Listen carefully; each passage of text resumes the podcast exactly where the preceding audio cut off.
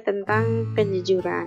Kisah dari satu orang penulis yang dia di pesantrennya, terus pas kelulusan pada gerasa gerusukan cari jawaban, tapi ternyata pemimpin pesantrennya bilang saya tidak peduli tentang kelulusan, tapi kejujuran akan selamanya bertahan.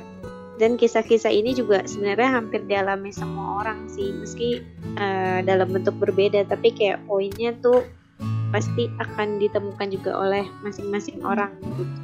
Buku ini tuh uh, akan bawa kita dalam uh, perjalanan menuju mencintai dan menerima diri kita apa adanya melalui percakapan antara si penulis buku yang menderita distimia atau depresi berkepanjangan ini dengan psikiaternya. Buku ini tuh membuatku uh, berpikir kayak kadang tuh ini aku banget gitu di beberapa partnya. Jadi judul buku yang gue bahas itu disebut uh, will make you fearless. Sebenarnya ini lebih ke concern buat diri gue sendiri sih karena gue sering ngerasa takut dan overthinking atas segala sesuatu. Jadi kayak gini sih, sering kali dalam hal sesuatu kita ngerasa takut atau khawatir. Jadi buku yang gue bahas itu um, lebih ke ngasih metode metode metode untuk bukan untuk kabur dari suatu masalah ya, tapi lebih ke gimana metode kita tuh untuk menghadapi rasa takut.